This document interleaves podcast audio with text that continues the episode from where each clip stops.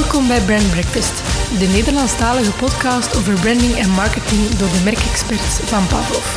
Schuif gezellig aan onze ontbijttafel vol interessante topics, concrete tips en boeiende gasten. En haal meteen meer uit uw eigen merk.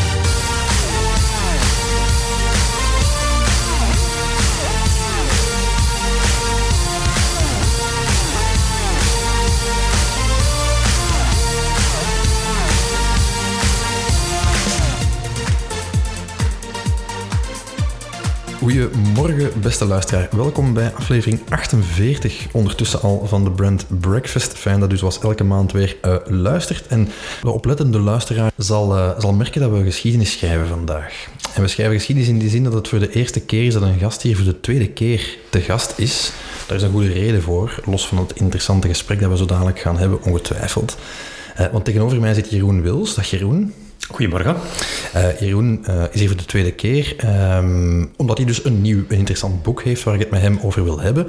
Maar ook omdat hij van al onze gasten de best beluisterde aflevering is. Kun je of je dat wist, Jeroen? Uh... Ah, dat is leuk. Dat is leuk, hè? Ja, dat, is, dat gaan we dan proberen over te doen. Te evenaren. Ja. Ik verwacht nu ook duizenden luisteraars voor deze aflevering, uiteraard. Voor zij die de eerste episode gemist zouden hebben, of niet weten wie Jeroen Wils is, uh, toch even kort uh, schetsen, Jeroen, wie je bent. Hè. Je bent uh, van oorsprong natuurlijk journalist, hè, van achtergrond. werkte dan ook als misdaadjournalist, onder andere bij De Standaard, maar ook en vooral bij VTM, waar hij zelfs een tijdje de baas van het nieuws werd en hoofdredacteur van Telefact. Hij is ook bekend van legendarische misdaadprogramma's als De Kroongetuige en Dossier X, waarin bekende en beruchte misdaadzaken gereconstrueerd werden. Zeer aan te raden trouwens, als je dat nog nooit gezien hebt.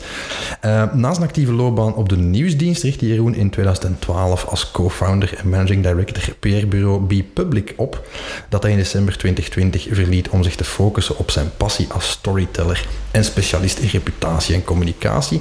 doet hij onder de naam de Reputatiecoach. Ik zou zeggen, volg hem op socials als u dat nog niet zou doen. En uh, voor mij ligt zijn laatste, ondertussen achtste boek blijkbaar al. Uh, dat is uh, nog, uh, nog heel wat meer dan dat ik er al op mijn teller heb ondertussen. zijn achtste boek met dezelfde titel, De Reputatiecoach.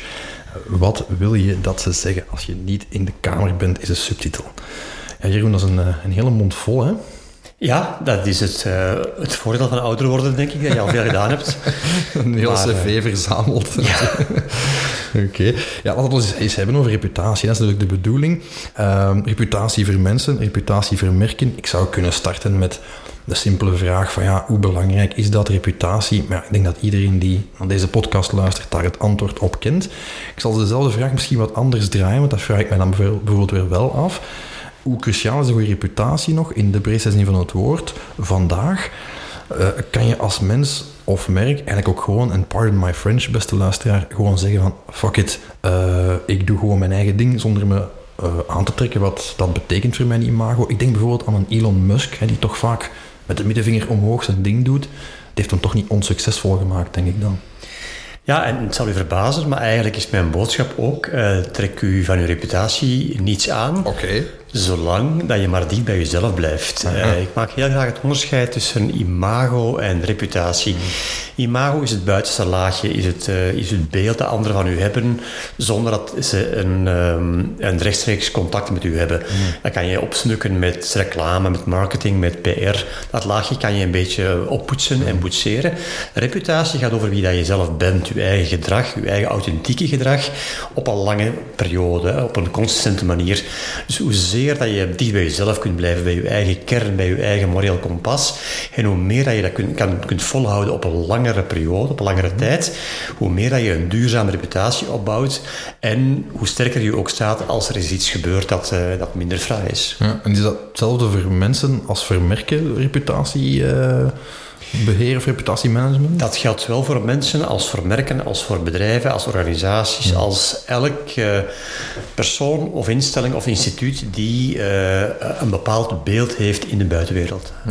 Dat gaat natuurlijk niet over één nacht ijs. Het spreekwoord luidt, uh, reputatie komt te voet en gaat te paard. Hoe zie jij dat?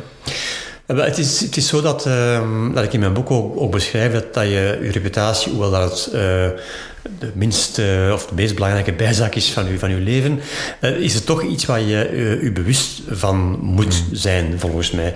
in die zin dat je, als je dicht bij jezelf blijft en je blijft je authentieke zelf, uh, en je doet dat op een hele consistente manier, op een hele integere manier, en je gedrag is echt in lijn met wie dat je echt bent, mhm. dan bouw je, zoals ik noem, reputatievet op. Ja, je bouwt reputatiekracht op. Dat wil zeggen dat je krediet opbouwt die je sterker doet staan als je iets tegenkomt, als je een crisis tegenkomt, als je uh, een fout begaat, als je even de mist ingaat. Dan gaat men, als je een sterke reputatie hebt, jezelf wat vaker, sneller vergeven, zeg maar. En men gaat opnieuw jezelf vertrouwen na verloop van tijd. Als je dat, dat, die reputatievet niet hebt opgebouwd en je hebt geen, geen krediet opgebouwd, dan ga je veel sneller van je voetstuk vallen. En is het veel moeilijker om die reputatie opnieuw op te bouwen. We hebben dat gezien met heel wat bekende mensen die van hun voetstuk gevallen zijn. Dat waren mensen, het zijn vaak mensen die, ehm, die misschien niet echt een authentiek beeld van zichzelf ophingen in de, in de publieke wereld, zeg maar. En die daardoor bij de minste, zeg maar, misstap ja, van hun sokkel vielen en, uh, en eigenlijk niets hadden om op terug te vallen. Geen basis hadden, geen authenticiteit hadden om op terug te vallen. Eh, ik geef vaak het voorbeeld van Johnny Depp, die nu in de rechtbank uh, zijn ex aan het uh, belagen is. uh, je kan over Johnny Depp veel zeggen. Hè. Hij heeft uh, zijn goede en zijn slechte kanten. We kennen hem als rebel, we kennen hem als eh, iemand met een hoek af, zowel op het scherm als naast het scherm. Wel, de man die we zien in de rechtbank, dat is ook de man die we kennen van naar buiten, van in de film, van op het witte doek. Dus voor, voor ons is daar geen enkel verschil. Dus we, we, we vinden hem heel authentiek, hoewel hij misschien ook zijn fouten heeft en ook zijn, zijn dingen gedaan heeft die niet vrij zijn. Maar we vinden hem wel authentiek en daarom gaan we hem veel meer geloven dan Amber Heard, zijn ex, die, waarvan we de indruk hebben dat hij een rolletje speelt. dat fake is. Ja. Fake is, hè. die schakelt PR-bureaus in om haar imago op te smukken, gooit je PR-bureau dan weer buiten, een nieuw PR-bureau. Uh, veel dramatiek en we hebben de indruk alleszins dat zij zich niet echt toont, dat zij een rol speelt. Mm. En vandaar dat we haar minder gaan vertrouwen dan Johnny Depp, die met al zijn hoeken en kanten ja, de indruk geeft echt te zijn, authentiek te zijn. Ja, een enorme fanbase ook heeft online, hè, die het voor hem opnamen wanneer hij uit de franchise ja. geschept werd bij Disney en zo. Is dat te vergelijken? Die fanbase is een gevolg van de reputatie, Het is geen oorzaak. En, en die, dat gevolg is omdat we hem gewoon zien als iemand, een echte, iemand die we vertrouwen, die we, waarvan we denken van, we kennen hem, want hij is altijd op dezelfde manier en hij stelt altijd hetzelfde gedrag. En dat, is, dat geeft een soort van zekerheid, een soort van vertrouwen. En daardoor gaan we zijn kamp sneller kiezen dan het kamp van Amber Heard. Mag ik een analogie maken naar de Vlaamse situatie? Met bijvoorbeeld aan de ene kant een, een, een, een Bart de Pauw-situatie, uh, schandaal, uh, waar ja, er toch een zekere authenticiteit is en die toch ook op een of andere manier nog heel veel steun geniet, tot op vandaag ook. Versus bijvoorbeeld een, een, een Siam El Kawakibi, waar, ja, waar ineens iedereen opvloog, eigenlijk niemand nog de verdediging van opnam, behalve dan uh, de advocaten die ze daarvoor uh, had ingeschakeld? Of is dat te ver? Uh... Het is heel lastig om, om mensen te vergelijken met elkaar, want elke persoonlijkheid is anders. Ehm, over de twee cases zijn dingen te zeggen. Maar wat Bas de Pauw betreft, daar is het toch echt wel zo dat zijn reputatie heel erg een grote knauw gekregen heeft. Omdat hij vanuit van bij het begin eigenlijk zich als verongelijkt slachtoffer heeft voorgedaan en eigenlijk veel te weinig empathie getoond heeft naar de slachtoffers toe, veel te weinig de hand gereikt heeft. Klassieke fout. Uh. inderdaad, en, en daardoor ook uh, heel veel krediet verspeeld heeft. En uh, in al die jaren die dan volgden tussen het uitkomen van de zaak en de rechtszaak, uh, is hij blijven, ja, blijven zich tonen als iemand die zich wat onrecht aangedaan voelde. Uh, in plaats van zich heel nederig en bescheiden op te stellen en excuses aan te bieden en, en de hand uit te reiken. En dat heeft toch wel een groot deel van zijn fanbase uh, doen afkalven. Er blijft wel een trouwe fanbase, absoluut, en, en die zal er zeker ook blijven. Maar hij zal het heel moeilijk krijgen om in de publieke wereld nog nog geloofwaardigheid te krijgen of nog opnieuw te, zich te rehabiliteren. Um, het is zeker niet um, onmogelijk en hij zal daar na verloop van tijd misschien wel in slagen, maar het zal veel tijd vergen. Veel meer dan iemand die van, van bij het begin zich toont als van kijk, ik ben inderdaad uh, beschuldigd van feiten, uh, ik ga het onderzoek mee, mee helpen voeren, ik ga helpen om de zaak uit te klaren en ik mm. verontschuldig mij alvast voor iedereen die ik uh, kwaad gedaan heb. Mm. Als je die houding aanneemt, gaat het publiek jou veel sneller vertrouwen geven, vergeven, zeg maar, en ook veel sneller opnieuw terug oppikken. Hè. Dat hebben we gezien met Peter van de Veire. En, en staat al lang met de filmpjes van Evelien. Hmm. Die mensen hebben heel snel zich uh, geout en geuit van kijk, dit is gebeurd inderdaad. Uh, helemaal niet fijn, het is een privézaak, maar het is nu eenmaal gebeurd. En uh, iedereen die zich schade of die zich die, die het vertrouwen in ons heeft geschaden. Ja. Sorry daarvoor. Ja. Uh, en die mensen hebben opnieuw nog een, nog een toekomst. Hmm. Dus dat is een beetje het verschil. Bij, bij Siham inderdaad ook, ook een case waarbij dat, uh, iemand wordt beschuldigd, meteen in de ontkenning gaat en halstarrig blijft ontkennen, ondanks de tonnen bewijsmateriaal die wordt aangevoerd hmm. door allerlei partijen, blijft ze eigenlijk uh, ja, zich als slachtoffer profileren. Uh, meldt ze zich ziek, blijft ze het lonen als parlementslid op, op uh, krijgen. Dus. opnemen. En ja, dat maakt van haar toch wel een, een, een, minder geloofwaardig iemand dan iemand die zich heel kwetsbaar toont, heel open hmm. toont, heel empathisch toont. Zonder hier heel de aflevering lang namen te laten vallen, maar onmiddellijk springt mij een recent verhaal van Mark Overmars in het hoofd. Ehm, waar je iemand hebt die eigenlijk ook een beetje de Bart de Pauw kaart trekt, misschien wat minimaliseert. Uh, enfin, ik heb het maar van op een afstand in de pers gevolgd, zoals de meeste. Maar hier toch ja, eh, vrij snel omarmd wordt dan door een, eh, een Belgische voetbalclub nadat hij vertrekt in, in Nederland. Um, ik weet niet dat die storm na een week of twee gaan liggen is, ondanks het feit dat er bijvoorbeeld ook sponsors afhaakten, want daar straalt dan het persoonlijk imago van iemand ook wel af op het, het corporate brand hè, dat hij op dat moment vertegenwoordigt. Is, ja, dat, is ook een tactiek van gewoon dat te negeren, geen, geen interviews te geven en te zeggen, ja, dat zal wel gaan liggen? Uh... De storm is zeker gaan liggen, maar de schade is aangebracht. En de schade zal uh, groot worden, of groter worden nog, als die club nu het in de toekomst slecht blijft doen. Hmm. als er opnieuw incidenten komen, of als er opnieuw dingen gebeuren in die club die, die minder fraai zijn, dan zal de zaak Overmars worden gebruikt als en een van de hmm, accidenten van die club. Dus het is een sluimerende crisis die blijft daar, die is niet voorbij. Uh, had die club dat anders aangepakt, had die club Overmars binnengehaald, maar heel duidelijk een statement gemaakt tegen uh, grensoverschrijdend gedrag tegen vrouwen, campagnes opgericht, uh, daar heel duidelijk empathisch gereageerd, hè, ook over zelf.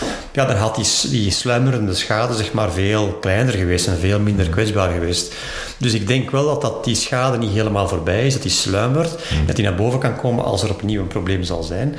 Uh, maar de club heeft daar een historische kans gemist om eigenlijk zich, zich heel duidelijk uit te spreken tegen dat ontoelaatbare gedrag.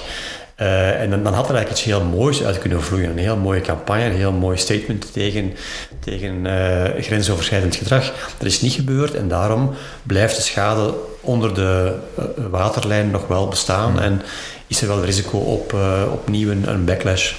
Right. Ja, we zijn nu al bezig over um, reputatievet dat je ergens beschermt tegen dat soort schandalen. Of, of in elk geval wat meer krediet biedt om, om crisissen te coveren. Uh, laten we ons eens hebben over het opbouwen van een reputatie. En dat is misschien een heel idiote vraag. Je, zegt van ja, reputatie zuiver houden, dat doe je door dicht bij jezelf te blijven, integer en authentiek te handelen. Uh, natuurlijk makkelijker gezegd dan gedaan. Hè. Wat als ik nu vandaag zeg van ik ga eens heel actief aan mijn reputatie beginnen bouwen, bijvoorbeeld als mens, hè, los van het, het, het, uh, het corporate brand dan. Er zijn een aantal uh, fundamentele bouwstenen die altijd terugkomen, die belangrijk zijn voor het opbouwen van een reputatie. Okay. Uh, ik heb de meest belangrijke al genoemd. Dat is inderdaad die bij jezelf blijven, authenticiteit zijn. Uh, daarnaast is, is transparantie heel belangrijk. Uh, openheid van zaken geven over wat je doet, waar je voor staat, wat je waarden en normen zijn. zichtbaarheid, u tonen aan de wereld. Communiceren is ook een heel belangrijk iets. Ehm, daarnaast ook um, een zekere maat van innovatie tonen. Dat je vernieuwend bent in wat je doet, als persoon, als bedrijf, als merk een zekere innovatiekracht uitstralen is ook een heel belangrijk iets eh, in, in wat je doet. Ehm, en dan een soort van maatschappelijke relevantie hebben, een maatschappelijke purpose hebben, is ook mm, iets mm. heel erg essentieel voor het opbouwen van een reputatie. Zowel als merk, als als bedrijf, als als persoon moet je uh, blijk geven van wat je doet uh, ook uh, een, een, maatschappelijke relevantie te hmm. laten hebben. Dat er een waarom is die uh, verder gaat dan gewoon geld verdienen. Ja, ja, puur het commerciële verhaal of puur voor je eigen gewinnen, voor je eigen bekendheid iets doen, volstaat niet meer. Je moet als persoon of als bedrijf of als merk toch ook altijd iets teruggeven aan hmm. de samenleving, een hogere missie hebben, een purpose hebben. Uh, die geloofwaardig is. Hè? Want er is ook heel veel purpose washing natuurlijk. en greenwashing en pinkwashing. Ja. Um, maar als je als merk of als persoon uh, een aantal dingen teruggeeft aan de maatschappij of een aantal uh, of blijk geeft van groot moreel kompas te hebben en uw waarden en normen waar je in gelooft ook duidelijk te uiten. Ik ben bijvoorbeeld tegen uh, discriminatie, ik ben tegen genderongelijkheid, ik ben tegen um, milieuproblemen, als je dat heel duidelijk ook uit en daarop campagne rondvoert en dat ook in je eigen gedrag toont dat je daartegen bent en dat je, dat je ijvert voor een betere wereld, dan ga je sowieso ook al een betere reputatie Of je al het eigen gedrag nemen kan. Want je kan wel zeggen van ja, ik ben hier daarmee bezig, maar het washing-verhaal is al gevallen. Hè. Hoeveel bedrijven zijn er vandaag niet die op die duurzaamheidstrein springen, maar dat dan ja, dat blijkt dan allemaal toch niet zo kosher te zijn in de achtergrond staat of valt toch inderdaad met die authenticiteit, hè, waar we het al eh, Absoluut. ja, je moet het echt wel uh, tonen dat je, dat je ervoor staat. Hè. Het bekendste voorbeeld, of een van de bekende voorbeelden, is Patagonia, hmm. een merk van, van outdoor kledij. Wel, dat, dat bedrijf geeft al jarenlang, al tientallen jaren, 1% van hun omzet geven die aan, uh, aan de klimaatzaak of geven die aan de natuur terug. Zij noemen het zelf Earth Tax trouwens, hè, ja. ik prachtig vind. Fantastisch. En, en, en, ze doen dat jaar na jaar na jaar en dat geeft dat bedrijf een zo grote geloofwaardigheid dat zij niemand nog moet overtuigen dat ze echt staan voor, uh, voor die waarden. Hm. Uh, op uw blog lees ik van uh, reputatie staat heel erg onder druk als je niet voldoet aan de, ja, hoe zeggen, de verwachtingen of de druk van anderen. Um, ja, wil dat zeggen dat je altijd moet plooien naar die druk? We hebben het er net al gehad over innovatie bijvoorbeeld. Een figuur als Elon Musk opnieuw, ik zal hem nog maar eens uh, noemen, ja, die toch wat tegen de stroom inzwemt. Um, is dat slecht voor je reputatie als je tegen de stroom inzwemt? Als je uh, niet meegaat in, in de, de, de, hoe ik dat zeggen, de verwachtingen van je omgeving? Ja, het, reputatie is... Uh, als, je, als je met je reputatie bezig bent, is het belangrijk om te weten wat de buitenwereld ehm, van u verwacht en wat de buitenwereld, uh, hoe de buitenwereld u ziet en, en wie die buitenwereld precies is. Dat is heel belangrijk om te weten. Maar dat wil niet zeggen dat je ten allen tijde altijd moet voldoen aan de verwachtingen van de buitenwereld. Mm. Integendeel, authenticiteit is juist heel dicht bij jezelf blijven en de dingen doen waar je zelf in gelooft. Ook al is dat soms tegenstrijdig aan de verwachtingen die, men, die anderen van u hebben. Uh, dus het is zeker niet zo dat een goede reputatie opbouwen altijd voldoen is aan de, aan de verwachtingen van uw, van uw, van uw hmm. buitenwereld. Ja, conformeren eigenlijk. Uh, ja. het, is, het is absoluut niet zo. die verwachting kern is belangrijk. Ze zien de buitenwereld ook in kaart brengen en zien wie is mijn buitenwereld, is heel hmm. belangrijk. En die verwachtingen die, die bestaan ook uh, in kaart brengen, is heel belangrijk. Maar er, er, altijd aan voldoen is absoluut niet nodig. Integendeel, zelfs hoe meer dat je, dat je uitgaat van je eigen kracht, je eigen moreel kompas, je eigen kern en daarvoor gaat en dus soms tegen de stroom in, hoe, uh, hoe zuiverder je reputatie wordt opgebouwd. En hoe meer dat mensen u als een authentieke, geloofwaardige, vertrouwenwekkende persoon ziet. Zou dat ook kloppen als ik zeg, ja, mijn waardepatroon, ik ben met duurzaamheid niet bezig. Uh, ik kies er heel bewust voor om, zeg maar wat, een... Uh, een, een, nieuw automotive merk te ontwikkelen. En ik doe niet mee met elektrische revolutie. Ik ga volop voor, ja, ik weet dat dat vervuilt, maar who cares bijvoorbeeld. Dat is, ergens is dat authenticiteit, ergens is dat ja, purpose. Je mag purpose ook niet verwarren, zeggen we altijd tegen klanten, met maatschappelijk verantwoord, altijd per se. Uh, ik was dus op een congres waar iemand, een spreker zei van ja, de nazi's hadden ook een purpose. Hè, waar je natuurlijk ook wel een punt had. Um, kan dat, denk je, raak je daar als ondernemer, als bedrijf mee weg met te zeggen van ik... Nee, dat moreel kompas is wel belangrijk. Het is belangrijk dat je, dat je een waardepatroon uitdraagt met waarden die natuurlijk in een samenleving als um, belangrijk, belangwekkend, relevant worden aanzien. Hmm. Vervuiling, uh, misbruik, um, uh, gebrek aan inclusiviteit, al die dingen die, waar, die we niet meer pikken vandaag, die als waarde naar boven halen, is natuurlijk uh, ja, is zelfmoord plegen natuurlijk, want dan gaat, de, dan gaat de buitenwereld u ook niet meer als, als geloofwaardig gaan zien. Dus je moet wel heel duidelijk een gedrag stellen, een authentiek gedrag stellen, dat gebaseerd is op een moreel kompas, dat persoonlijk kan zijn en dat heel erg uh, authentiek kan zijn, maar dat wel waarden vertegenwoordigt die wij in een samenleving belangrijk vinden, die actueel zijn, die die vandaag ook wel waarden zijn waar, wat, mensen belangrijk vinden. je kan niet op een eiland gaan leven en zelf nog eigen waarden gaan ontwikkelen die al helemaal niet meer aangepast zijn aan hoe de samenleving er vandaag uitziet. Mm. Want dan ga je natuurlijk geen goede reputatie opbouwen. Dus, dus het is wel belangrijk dat je, dat je een waardekompas, een waardepatroon uitbouwt met waarden die in een samenleving, in een maatschappij, in een gemeenschap als belangrijk en relevant worden aanzien. Wel, als je daar niet staat vandaag, stel dat je inderdaad in die positie bent van oké, we hebben die waarden recent omhelst, beter laat dan nooit. Ehm, jij als specialist ter zaken, wat zou je zo'n bedrijf of zo'n mens aanraden? Van, ik neem aan dat je toch niet overnight heel dat verhaal kan, uh, kan doen keren. Dat, dat is toch iets dat stapjesgewijs moet, of niet dat verkeerd? Nee, ik, maak graag het, het, voor, of ik, ik, geef graag een voorbeeld van Djokovic, de, de tennisspeler mm. Djokovic, die uh, begin dit jaar denk ik uh, een, een, uh, een, toernooi niet kon spelen omdat hij niet was ingeënt, hè, niet was, mm. niet was uh, gevaccineerd. Um, hij heeft er ook vooruit, is er ook vooruit gekomen, hij heeft er ook uit, hij heeft ook gezegd waarom niet. Mm. Uh, en hij is heel erg consistent op zijn gedrag blijven staan. Zijn sponsors ook afgehaakt, hij heeft niet kunnen deelnemen aan dat toernooi. Mm.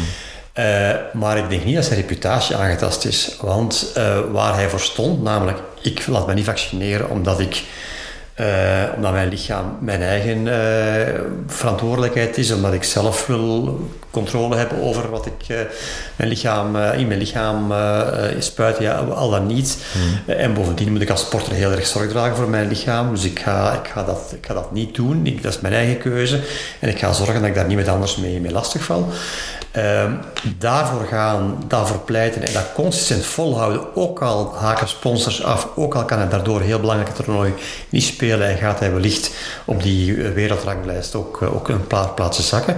Wel, dat is uh, consistent gedrag, hmm. gebaseerd op zijn eigen waarden die verantwoord, te verantwoorden zijn, die je kan uitleggen, die je kan, die je kan uiten. En dat geeft hem wel degelijk een, een hele sterke reputatie. Ook al is het gedrag dat we misschien algemeen aanvaard niet erg uh, accepteren of aanvaarden in een samenleving, maar hij verdedigt het wel met argumenten en hij gaat er ook naar handelen op een hele consistente manier.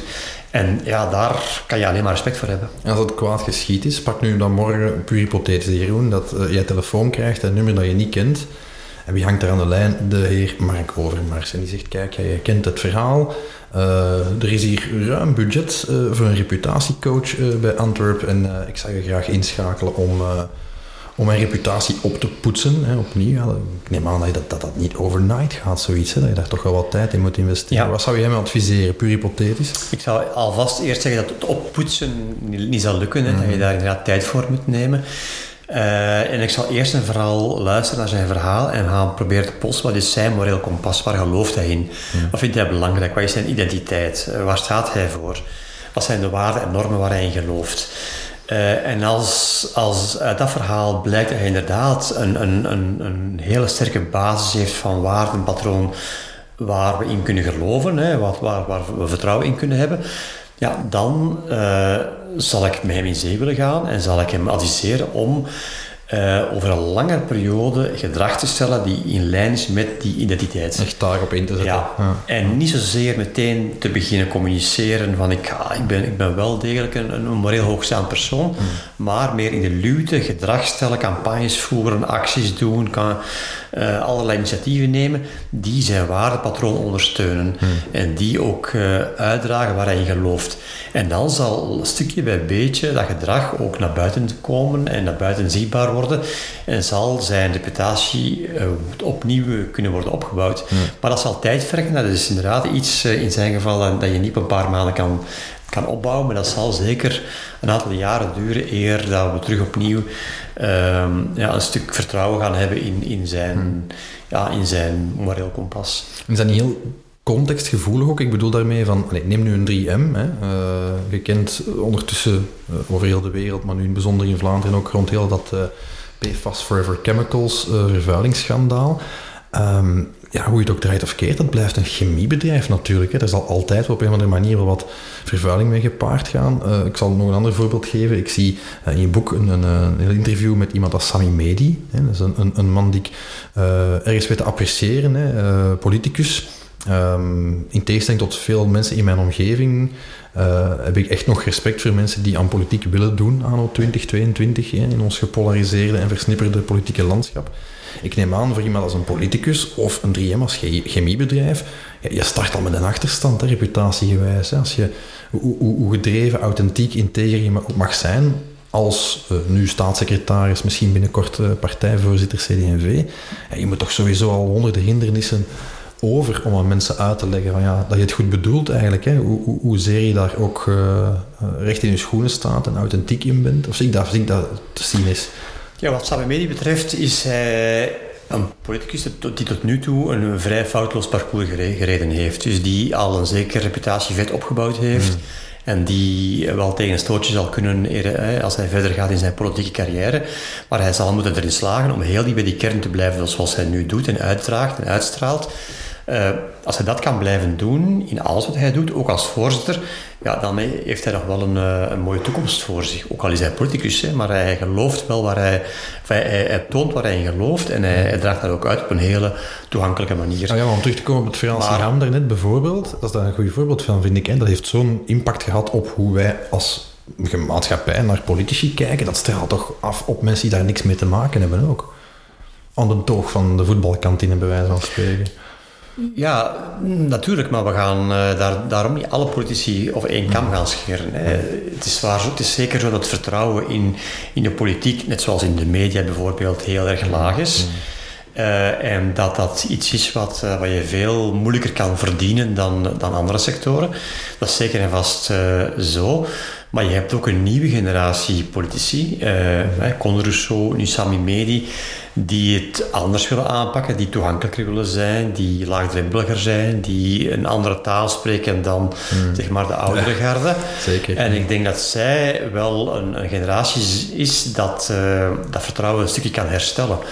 Uh, maar er zullen, er nog veel jaren over gaan om dat echt ook in, in de feiten te, te, te tonen. Hmm. Een bedrijf als, als 3M of Volkswagen bijvoorbeeld, met die vervuilende software, hmm dat zijn geen bedrijven die ook voor het leven lang veroordeeld zijn. Volkswagen maakt meer winst dan ooit.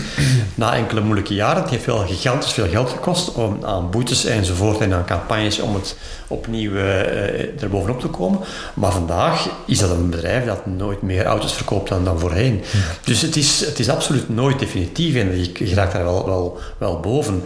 Uh, een ander voorbeeld, Ryanair. vaak vragen mensen waarom heeft Ryanair Ondanks het feit dat we die zien als een low-cost, weinig kwalitatieve maatschappij, waarom heeft Ryanair toch nog altijd een hele succesvolle parcours. Een trouwe klantenbase uh, zelfs. Uh, wel, Ryanair heeft voor mij een goede reputatie. Ook al bieden zij inderdaad lage kwaliteit, bieden zij hele basic vormen van reizen.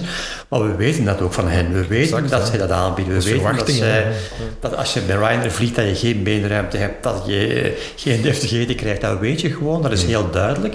En ze komen daar ook heel duidelijk voor uit. Dat is heel transparant. Uh, en dat geeft hem gewoon een sterke reputatie, want dan je weet wat je kan verwachten. Dat is met Johnny Depp. Je weet dat dat iemand is met hoeken en kanten en met een rebels kantje. We weten dat en hij toont zich ook op, als, als dusdanig. Dus we gaan die vertrouwen. En dat is de kwestie van goede reputatie. Dat is uitstralen wie je bent op een hele authentieke manier. En dat vertrouwen is cruciaal uiteindelijk. Hè? Uh, als je zaken doet, maar ook, ook los daarvan, in het persoonlijk leven, denk ik. Uh, dat lijkt me een cruciaal onderdeel te zijn van een, uh, een goede reputatie, dat je iemand kan, uh, kan vertrouwen. Of dat is een gevolg daarvan eigenlijk. Hè. Uh, ja, vertrouwen is, is een, een, een heel hoog goed geworden. Hmm. Vroeger, denk ik, kon je nog veel meer vertrouwen of veel meer rekenen op reclame, op marketing, op verkoopstukjes, op een beeld dat je naar imago, zeg maar, PR inderdaad. Daar kon je heel ver mee komen. Hè. Als je heel veel investeerde in die, in die tools, dan kon je al wel wat uh, verdragen. Vandaag, eh, omdat de, ehm, het vertrouwen in de instellingen aan het afkalven is, in de politiek, in de media, in de, het middenveld, dat vertrouwen hebben we niet meer. Dus we zijn allemaal vandaag... Uh, teruggeplooid op ons eigen oordeel. Op het oordeel van onszelf en van onze mensen in onze eigen kleine kring. En sociale media die daar een enorme invloed hebben. Sociale media gaan dat zeker versterken. En vertrouwen is daardoor heel belangrijk geworden. Veel belangrijker dan vroeger campagnes of grote instellingen die zeiden van Zo zal het zijn. Vroeger geloofden we de media, de politiek, middenveld als zijnde de grote gidsen in de samenleving. Die gidsen in de samenleving zijn vandaag weggevallen en we moeten vandaag ons terugplooien op ons eigen oordeel zelf. We zitten graag zelf in de cockpit, we willen zelf graag ons oordeel vormen en we hebben niet meer die instellingen nodig om dat oordeel te vormen. En dan komt vertrouwen kijken. En als je als, je als burger vertrouwen hebt in iets of iemand omdat je daar een persoonlijk heel goede relatie of contact of gedrag ziet dat heel erg consistent is, ja, dan is er nog wel uh, een, een, duurzame relatie mogelijk. Ja. Maar we zitten in een vertrouwenscrisis vandaag in, in, leiderschap, in instellingen, in politiek, in media.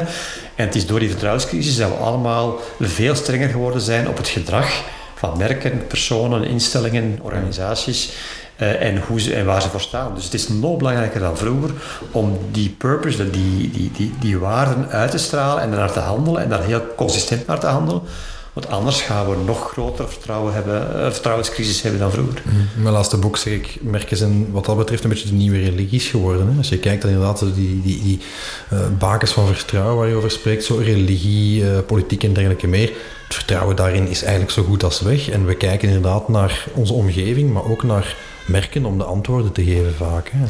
Absoluut, ja, naar, naar merken en naar die omgeving. Wat je zegt, hoe, hoe dichter bij onszelf, hoe beter. Mm. Onze eigen peers, peers, zeg maar, zijn zeer belangrijk geworden. Mensen zoals u en ik. Bestaat dan het risico niet heel erg op tunnelvisie? Als je zegt, van, we vertrouwen vooral op dat, dat inner circle. Van, ja, uh, je ziet dat trouwens ook in algoritmen van sociale media. Ik kan me inbeelden dat dat onder mensen niet anders is. Van, als er een bepaald dominant gedragspatroon of dominant denkpatroon is, dat je op een gegeven moment nog alleen maar dat ziet? Zeker, en dat is wat men uh, dan die polarisering noemt natuurlijk. Mm. Je krijgt grote kampen, hè, je krijgt echokamers van gelijkgestemden. Uh, die allemaal elkaar versterken. Je hebt dat in de coronacrisis gezien. Hè. Je hebt de, mm. de voor- en de tegenstanders van vaccinatie bijvoorbeeld. Uh, die vormen echokamers en die gaan zich opsluiten in je eigen grote gelijk. En gaan niet meer kijken naar de mening van de anderen. Mhm. Naar, uh, die gaan niet meer oordelen van misschien kan de andere ook eens gelijk hebben. En dat is het gevaar van, van, van die, die kracht van sociale media en het, het, het afkalven van het vertrouwen in instellingen. Dat we niet meer in staat zijn om te luisteren naar elkaar of elkaar te proberen begrijpen of ook zijn andere visie aan het, woord te laten of ons te proberen in te leven in een, in een mening die niet de onze is. Mm. Wat zo ontzettend belangrijk is om ook eens te luisteren naar iemand die een andere mening heeft dan wij. Uh, dat is altijd leerrijk en, en de waarheid ligt altijd ergens in een, in een grijze zone en nooit ergens in één kamp alleen. Maar is dat niet moeilijk om je reputatie te beheren? Want bijvoorbeeld door middel van fake news is het perfect mogelijk van een reputatie van iemand of een, een instituut of een, een merk te beschadigen. Je hebt daar toch vaak nog heel weinig impact op hè, vandaag de dag. Ja, en dat is het, uh, het grootste gevaar, denk ik, voor de reputatie van iets of iemand. Dat zeggen ook alle mensen die ik in mijn boek heb geïnterviewd dat is uh, fake news. Hè, omdat je daar je heel moeilijk kan tegen wapenen. Het, als je iets gedaan hebt uh, dat niet fraai is, dan kan je toegeven, dan kan je even door het slijk gaan, door de storm gaan en je kan opnieuw beginnen bouwen. Hmm. Fake news, iets dat niet waar is uh, en, en wat toch blijft leven op die sociale media, hmm. dat is het allermoeilijkste. Je hebt daar geen grip op, je hebt daar geen greep op, je kan dat niet gaan omturnen en dat moet je gewoon ondergaan. Dus daar, dat is het allermoeilijkste. En uh, ja, tegen fake news, wat, tegen wat je daar kan doen, is heel erg openheid van zaken geven en heel erg hard werken om te proberen bewijzen dat wat er wordt verteld gewoon fundamenteel niet waar is. Mm. En dan nog zullen er bij heel veel mensen ergens toch nog iets blijven hangen. Er zal er iets van waar zijn. Ja, anders zou het de koer niet ontstaan ja. qua verhaal. En, en, het is die, die, die smet, en die vlekjes op je reputatie die heel moeilijk weg te werken zijn. Ja. Um, ik begrijp ook dat je zegt van communiceer eerst intern en dan pas extern. En dat is iets wat wij bij klanten onder andere zien dat daar in de praktijk heel erg tegen gezondigd wordt. Hoe bedoel je dat precies? Waarom is die interne communicatie zo belangrijk als je een sterke reputatie wilt? Uh, ja, uiteraard omdat uw eigen medewerkers, uw eigen omgeving, uw beste ambassadeurs zijn. Hmm. Uh, als, als uw eigen personeel, werknemers, omgeving het verhaal eerst horen van externen of in de buitenwereld of in de media, dan voelen zij zich uh, niet naar waarde geschat, zij voelen zich opzij gezet, zij voelen zich niet betrokken bij het verhaal. En daardoor gaat er heel veel onvrede, onrust uh, ontstaan en ook geruchten ontstaan. want die mensen voelen zich totaal niet gezien in het verhaal en gaan daardoor ook beginnen verhalen te, naar buiten te brengen die misschien half waar zijn of niet mm. helemaal waar zijn. En dat gaat uw, uw reputatie ook heel erg, uh, heel erg besmetten. Dus eerst je eigen mensen in het verhaal meekrijgen, hen van overtuigen van uw verhaal. Uh, en hen betrokken maken bij je verhaal, zorgt ervoor dat je al, alvast je eigen omgeving mee hebt in je, in uw, uh, in uw verhaal. En dan ga je ook hele sterke ambassadeurs creëren die ook op hun beurt het verhaal kunnen uitdragen aan de buitenwereld. Is dat iets waar dat veel tegen gezondigd Ik zeg het, wij ervaren dat, dat dat toch heel moeilijk is bij bedrijven. Van, ja, inderdaad, alle neuzen intern in dezelfde richting te krijgen. Ook dat participatieve, waar je zegt van betrek mensen daarbij dat is toch vaak toch nog heel erg moeilijk, heb ik indruk. Ja, ik denk dat dat te maken heeft met, met de grootte van, van bedrijven. Kleinere bedrijven, die slagen daar doorgaans beter in. Ook de, de, de nieuwere, modernere bedrijven zijn er ook beter in. Maar de grote mastodonten, de grote uh, corporate bedrijven, die zondigen daar nog heel vaak tegen. En, en uh, die gaan pas hun eigen mensen informeren nadat ja, de buitenwereld al op de hoogte is bijvoorbeeld. Of nadat er vragen zijn gekomen intern van kijk, wij hebben dat gelezen, klopt dat? Hmm. Eh, en dat is heel erg schadelijk voor, voor het, het ambassadeurschap, voor de, het vertrouwen dat u mensen hebben in jezelf. Natuurlijk, ja, het vertrouwen ook weer. Ja. Ehm, ja, uh, we hebben eigenlijk al, al heel, wat, uh, heel wat gecoverd. Um, misschien om af te sluiten, um, wat vind je, Patagonia bijvoorbeeld is al gevallen, wat vind je merken of mensen waarvan je zegt, ja, die hebben voor mij nu echt een topreputatie. Ik zie uh, op de cover van je boek staan Caroline Pauwels, Katrien de Bolle, Bart Verhagen, Sammy Medi. Ik neem aan dat je die ook gekozen hebt omdat je vindt dat ze er goed mee omgaan. Maar zijn er andere voorbeelden waarvan je zegt, ja, daar moeten mensen toch eens echt naar kijken, van hoe dat die dat aanpakken? Dat zit tip-top in elkaar. Uh, wel, er zijn een aantal heel bekende voorbeelden die, die zodanig doorgedreven gaan voor hun eigen purpose. Ik heb al, ik heb al het, het verhaal van Patagonia genoemd. Ja.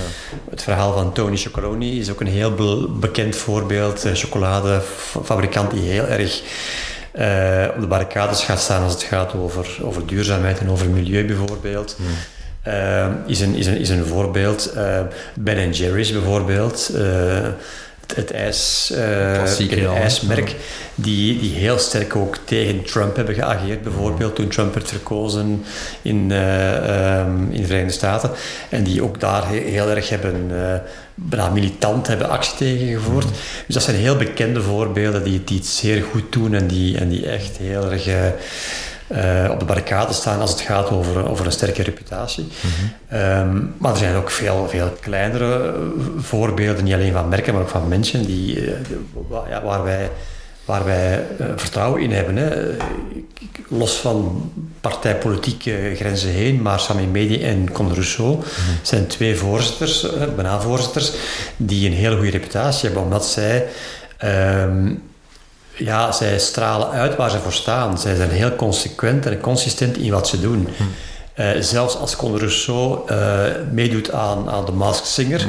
en daar wel wat kritiek op krijgt, maar eigenlijk zegt van, so what? Hm. Ja, dat, dat houden we van, want die, die man, was van elke conventie, gaat hij voor zijn eigen, voor zijn eigen voor zijn eigen gelijk en voor zijn eigen opvattingen en voor zijn eigen gedrag.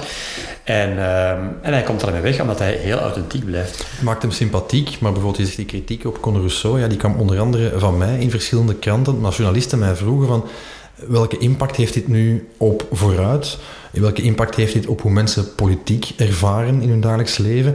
Ik heb mij wel de bedenking gemaakt, uh, politici mogen dat natuurlijk, hè, zich in dat soort programma's uh, populair maken en sympathiek maken.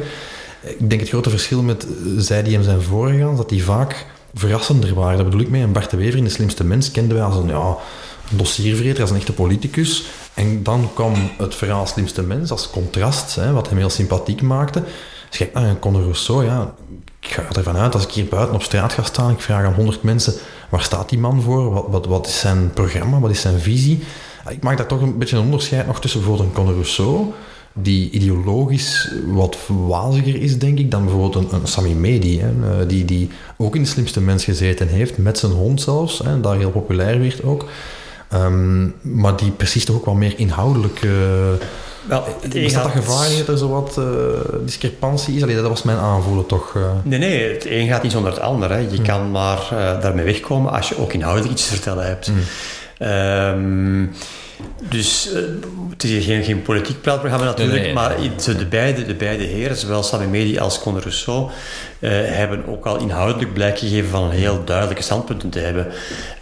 Um, vaak heel populair en heel erg die bij de mensen. Zoals dat werd vandaag, vrees maar, Maar wel, maar, wel, maar wel duidelijk. Moest daar geen inhoud onder zitten, moest daar inderdaad moest dat loszand zijn, zou, zou Conor daar helemaal niet mee weggekomen zijn en zou, zou hij al lang verbrand geweest zijn. Maar, maar hij, hij blijft wel ergens een, een, het vertrouwen genereren, maar hij ook in zijn, in, in, zijn hoek van het politieke spectrum iets te vertellen heeft waar mensen in geloven, waar mensen vertrouwen in hebben. En dat, en, en dat draagt daar ook heel consequent en heel consistent uit. Dus uh, op dat vlak is er zeker nog wel wat reputatievet uh, aanwezig waar hij een stukje op kan teren. Oké, okay, mooi. Um, mensen en merken die vragen hebben over hun reputatie, uh, wat doen ze? Hoe vinden ze jou? Kunnen ze jou als coach inhuren? Ik neem aan van wel. De reputatiecoach lezen is al een goed begin, ah, denk ik. Voilà. En voor de rest mij, mij volgen op uh, Instagram, de reputatiecoach op Instagram, waar ik uh, meermaals per week inzichten deel rond reputatie. Uh, en, uh, en daar is iedereen welkom en kan iedereen mij ook bereiken. Voilà, super. Ik zou zeggen, u weet wat gedaan. Uh, het uh, boek De Reputatiecoach is uitgegeven bij Manto, is verkrijgbaar bij de betere boekhandel ongetwijfeld. Uh, en op de website zelf wellicht ook. Um, in elk geval wil ik je bedanken, Jeroen, voor je inzichten over reputatie. Hè. De, voor ons allemaal belangrijk. En ik wil u bedanken, beste luisteraar, om weer trouw te luisteren naar Brand Breakfast. Mocht je dat nog niet gedaan hebben, vergeet zeker niet om u te abonneren voor meer gasten in de komende maanden. En wat meer branding inzichten uiteraard. En uh, mocht u nog reacties hebben, vragen hebben, u weet ons te vinden op hello at brandbreakfast.be. Graag tot een volgende gelegenheid.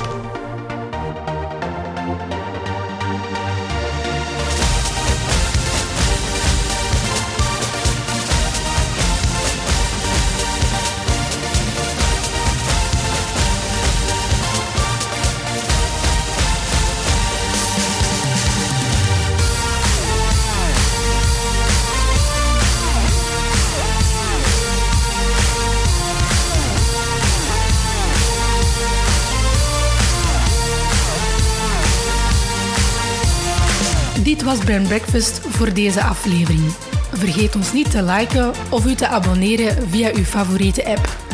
Ontdek ook al onze andere episodes via brandbreakfast.be en discussieer mee via hello at brandbreakfast.be of onze sociale mediakanalen.